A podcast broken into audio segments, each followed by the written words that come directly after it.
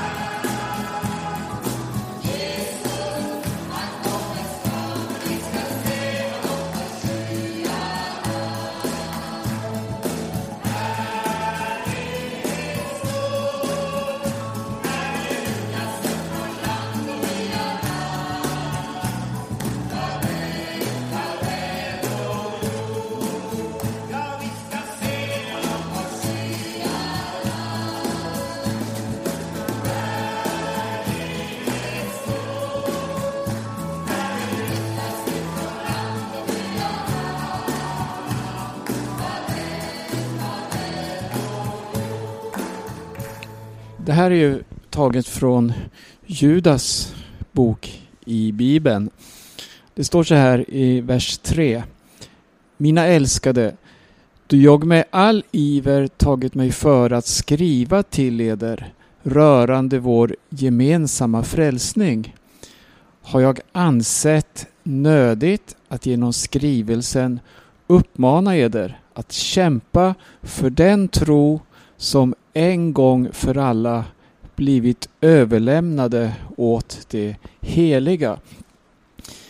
Det här bibelcitatet finns med i den här skriften som jag nämnde om, skriven av Levi Petrus och utgiven 1929 på förlaget Philadelphia. Och kampen för den överlämnade tron, det är något vi behöver påminna varandra om, verkligen. Eh, jag ska citera något ur den här skriften för att påminna om några viktiga sanningar. Så här skriver Levi Petrus. Eh, lägg märke till att skriften inte talar om trosbekännelser i vanlig mening. Trosbekännelser som människor har satt ihop genom att rycka ut lite här och lite där ur skriften. Man var inte nöjd med trosbekännelsen så som den är given i skriften och icke nöjd med de trosbekännelser andra haft före en utan man tog sig före att draga ut ur skriften det man själv ansåg lämpligt. Sådana trosbekännelser finns det mycket av i världen. Men det är, Gud vare tack, icke dem som aposteln menar att vi ska kämpa för. Ty då man fått en trosbekännelse, då är egentligen denna gudomliga kamp slut som här omtalas. Men så länge som tron icke har blivit en tom form utan är levande och griper om de gudomliga verkligheterna och upplever dem och gör dem till ett med den troendes inre, hans sinne, hans vandring, hans liv. Då är det som det blir kamp för den tro jag förstår att aposteln menar här. Det vill säga, det är de kristnas mottagande och till ett görande med och fasthållande vid de gudomliga och eviga verkligheter som är uppenbarade i och genom Jesus Kristus. Det är den tro som aposteln uppmanar de heliga att kämpa för, tack och lov. Denna tro, säger Judas, är en gång för alla överlämnad åt de heliga. När vi fingo den så var den som den skulle vara. Den gavs färdig och fullkomlig och överlämnades åt Guds församling på jorden såsom ett dyrbart och värdefullt arv. En dyr och stor egendom som de heliga skulle förvalta och kämpa för på jorden på grund av det frälsande värde som ligger i densamme. Ja, så inleder Levi Petrus den här skriften och påminner om att det är inga trosbekännelser som har eh, kommit till under historiens gång utan det är Guds ord och den tro som blev överlämnad utav apostlarna, utav det vi kan läsa i Nya Testamentet. Det är alltså skriften vi får gå till. Eh, författaren fortsätter så här. Jag ska ta jag läser en del för det, det, det budskapet i den här skriften det, det är väldigt aktuellt. Och jag tror att det kan hjälpa oss att med klarsyn förstå också utvecklingen inom kristenheten eller kyrkligheten. Här kommer vi i en absolut opposition mot den uppfattning som menar att kristendomen utformas till sin rätta gestalt genom den historiska utvecklingen. Vi har många i vårt land som säger vi kunna icke taga Nya Testamentet som mönster för kristen tro, kristet liv och kristen verksamhet. Jag påminner mig en prästman som för många år sedan skrev och klandrade oss för att vi, sade han, ignorera den historiska utvecklingen. Det vill säga, Vi tillmäta icke den historiska utvecklingen någon betydelse när det gäller kristendomens framåtskridande. Vi tillmäta nog den historiska utvecklingen betydelse men vi måste säga att kristendomen icke har vunnit under historiens gång utan förlorat. Och det är just det som Judas här framhåller faran av. Faran av att förlora vad man en gång fått överlämnat åt sig. Det man kallar den historiska utvecklingen är istället tillbakagång. Att den enkla församlingen i Jerusalem, en andedöpt församling där folk var döpta i helig ande, talade i tungor, profeterade, botade sjuka, var skilda från världen, en församling av eld och blod, en martyrförsamling som gick i döden för Jesus vilken stund som helst. Att den församlingen blivit en världskyrka som icke längre håller på att dess medlemmar skola vara frälsta. Att man kan vara präst i en sådan kyrka och inte ens bekänna sig vara troende. Att kristendomen utvecklat sig därhän att man snart förnekar alla fundamentala sanningar. Ursäkta mig min broder att jag icke kallar detta för utveckling. Professor Rödin sade att det är väl höjden av förfall då man kallar själva förfallet utveckling. Detta är motsatsen till utveckling. Det är tillbakagång. Den tro som blivit överlämnad, den har blivit överlämnad en gång för alla. Och den var som den skulle vara. Halleluja! Så när anden fallit i Jerusalem, när församlingen framträdde där, då var hon och är mönsterbilden för alla tiders kristna församling. Pris ske Gud. Det är att ha det så. Ty hur skulle vi eljest veta hur den kristna församlingen ska vara? Man kan ju eljest låta den utvecklas åt tusende håll och den ena har lika god rätt som den andra att säga det här är den rätta utvecklingen. För att vi överhuvudtaget skulle veta hur församlingen skulle vara så måste Gud ställa fram den i sitt rätta skick. Och när det gäller utvecklingen så är detta något som hör till det mänskliga och begränsade. Intet mänskligt kan vara fullkomligt på en gång. Därför att människans, människans förstånd är så begränsat. Allting här i världen börjar sakta och ringa. Uppfinningar till exempel. Se på det första lokomotivet som gjordes i världen.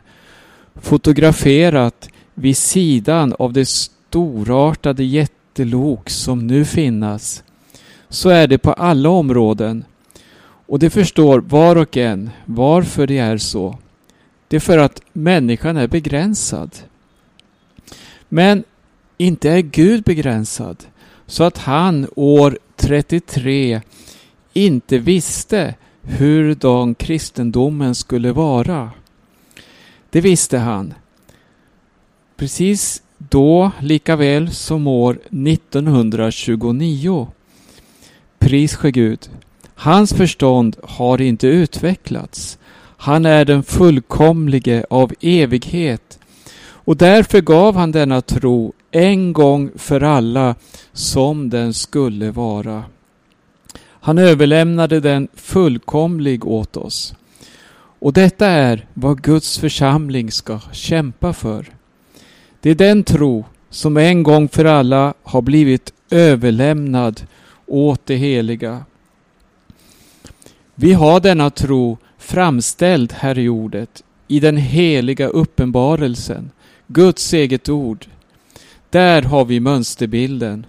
Och denna överlämnade han åt det heliga när han gick ifrån jorden.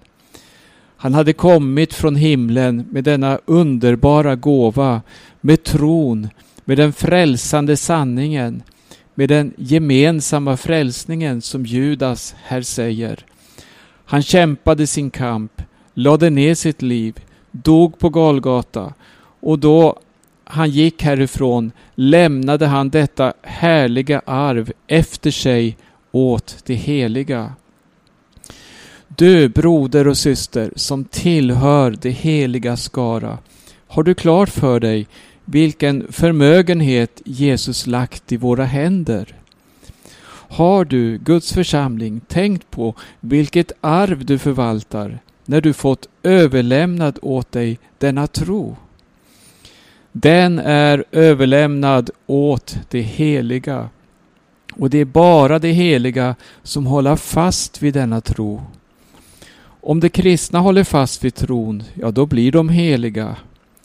Ingen annan än det heliga kan i denna onda värld i sanning hålla fast vid den. Därför har denna levande tro och det heliga alltid hört tillsammans. Pris ske Gud. Vi ska hoppa fram något stycke ur den här lilla skriften. Det är alltså en skrift av Levi Petrus som gavs ut 1929. Den skrevs samma år, förstår vi av texten. Det är alltså snart hundra år sedan. Men eh, budskapet är väldigt viktigt. Det handlar om att gå åter till skriften och låta skriften få vara avgörande för våra ställningstagande, för vår vandring. Och inte låta oss ledas och styras av den kyrkliga traditionen som vi har sett har förlett så många människor under historiens gång. Vi lever i en tid då denna tro är oerhört angripen. Ja, jag skulle vilja fråga om ni som läser detta veta om någon av de gudomliga sanningar som icke har blivit angripen av vår tids tvivlare. Finns det någon sanning? Jag går så långt att jag frågar, finns det någon som vet om någon av de gudomliga grundsanningarna i frälsningen har undgått att bli angripen av vår tids kristna tvivlare? Vi lever i en tid som Judas beskriver här. Han beskriver avfallet. Vi har själva upplevt det och vi ser det. Redan Johannes och Paulus och de övriga apostlarna talade om det. Och vi upplever det. Tänk på en sådan sanning som den att Kristus är Guds son. Tänk vad denna sanning varit angripen. Och tänk hur många förkunnare av Guds ord i detta land idag som tror att Jesus på sin höjd var en god människa. Han var inte Gud, menar dessa tvivlare. Inte Gud välsignad i evighet, som skriften säger. Nej, man förklarar det på sitt sätt. Och så säger man, men vi kunna ju vara goda kristna ändå. Nej, det är det man inte kan. Johannes säger att detta är Antikrists ande och villfarelsens ande. Den som tror att Kristus kommit i köttet, han är född av Gud. Men den som inte tror det, han har Antikrists ande och villfarelsens ande. Men den tron att Kristus icke var Gud, den är gängse i de kristna församlingarna. Icke i alla, som i, men i synnerhet inom vårt lands statskyrka är det ingen hemlighet att man där förfäktar dessa nyteologiska grundsatser. Och en sådan sanning som Jesu försoning, att Kristus dog för oss på Golgata och att hans död på korset var för hela släktets synd och att det ligger en frälsande och återlösande betydelse i hans död. Det förnekas. Ja, det är så krassa saker menar man att det kan man inte tala om bland kultiverade människor. Jag läste ett tidningsreferat redan 1909, således för 20 år sedan, från ett kyrkomöte i Stockholm då statskyrkliga och även några frikyrkliga representanter var samlade här på Helgeandsholmen och höll rådplägning om den tro som en gång för alla är överlämnad. Där var en hel del saker uppe i samband med bibelöversättningsfrågan.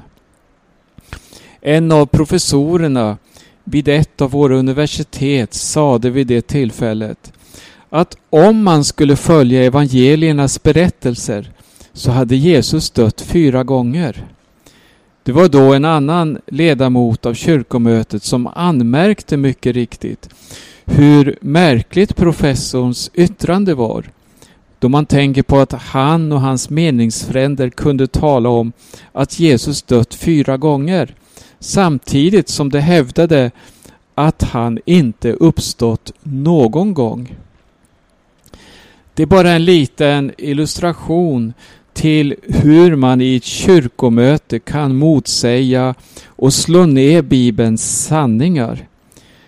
Det är inte alls länge sedan som vår kyrkas främste ledare i en mycket omskriven bok sade att Kristus visserligen uppstod men att detta ej var någon kroppslig uppståndelse.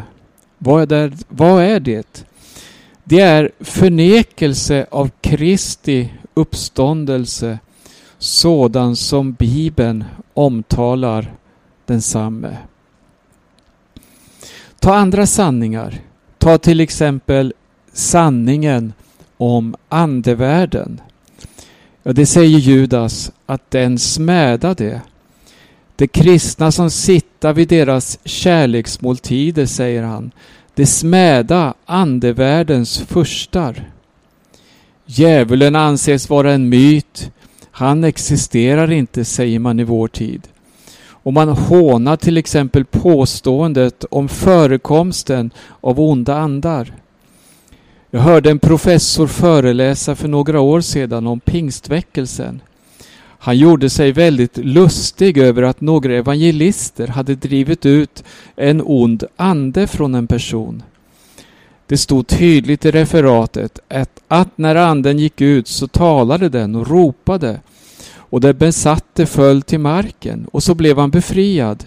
Och professorn sade Det är precis som i evangelierna.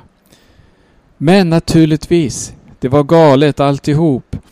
Han drog så fram detta som stod i evangelie Herold och förlöjligade det och visade att det var samma sak som står i evangelierna. Och så sökte han på detta sätt angripa Bibeln. Vi leva i en tid då Bibelns grundsanningar på det våldsammaste angripas. Judas säger att Mikael icke vågade att över djävulen fälla någon smädelsens dom. Han sa endast Herren straffa dig. Men nu finns det många i Kristi församling som förlorat tron på att det finns en verklig ond andevärld. Och istället för att tro på den och respektera den och inrätta sig därefter så smädar man och hånar. Och härligheten som väntar det heliga tror man inte heller på. En sådan sanning till exempel som sanningen om Jesu tillkommelse. Tänk hur många av de kristna som förnekar den. Man får ofta se smädliga yttranden i skrift, tidskrifter och tidningar om att vi tror på Jesus snara tillkommelse. Jag har sett frikyrkomän i vårt land skriva att tanken att Jesus kommer snart alltid är något som kommer i samband med krig, pest och hemsökelser. Då börjar man alltid tro att Jesus är nära, säger man. Vad kallar skriften detta? Skriften kallar det bespottelse. Petrus säger att i den yttersta tiden skola bespottare uppstå som skola säga var är löftet om hans tillkommelse? Ty från den dag då våra fäder avsomnade förbliver allt så som det har varit från skapelsens begynnelse. Och så hånar man och bespottar. Tänk att det bland de kristna finns sådana som Bibeln kallar bespottare och smädare. Och Judas säger att felet hos den kristna församlingen var att den lät dem sitta kvar vid deras kärleksmåltider. Guds församling har verkligen en uppgift i denna tid att slå vakt om de gudomliga sanningarna. Exempelvis sanningen om vattendopet. Sanningen om en biblisk församling. Dessa sanningar, hur försöker man inte kasta dem åt sidan? Man tycker det är ingenting att bry sig om. Har vi fått det överlämnat av Jesus som tillhörande den kristna tron så är det någonting att behålla. Det ligger välsignelse i det och det är något att kämpa för. Gud vare tack att vi får stå upp och kämpa för sanningen. Det här var alltså taget ur en liten skrift av Levi Petrus, Kampen för den överlämnade tron. Och den är nog svår att få tag på. Den gavs ut för snart hundra år sedan, men så aktuell. Jag, jag tänker på allt som vi möter idag. Mycket av kampen idag, det handlar just om Jesus Kristus som Guds son. Att i namnet Jesus finns frälsning och i inget annat namn. Det har blivit en hörnsten. Det har blivit en klippa till fall för många. För att då vi lyfter fram namnet Jesus framför alla andra namn och säger att endast i namnet Jesus finns frälsning, ja då anses det vara diskriminerande mot alla olika religioner. Men faktum är att alla religioner och alla idéer, alla filosofier kommer att möta sitt slut. Det finns endast ett namn som har övervunnit all ondska och allt elände på jorden och framförallt som har besegrat synden och döden. Det är namnet Jesus. Det är Jesus Kristus som själv steg ned hit till jorden, som lät sig korsfästas, som i sin kropp upp på korsets trä bar hela mänsklighetens synd. I det namnet och i inget annat namn finns frälsning.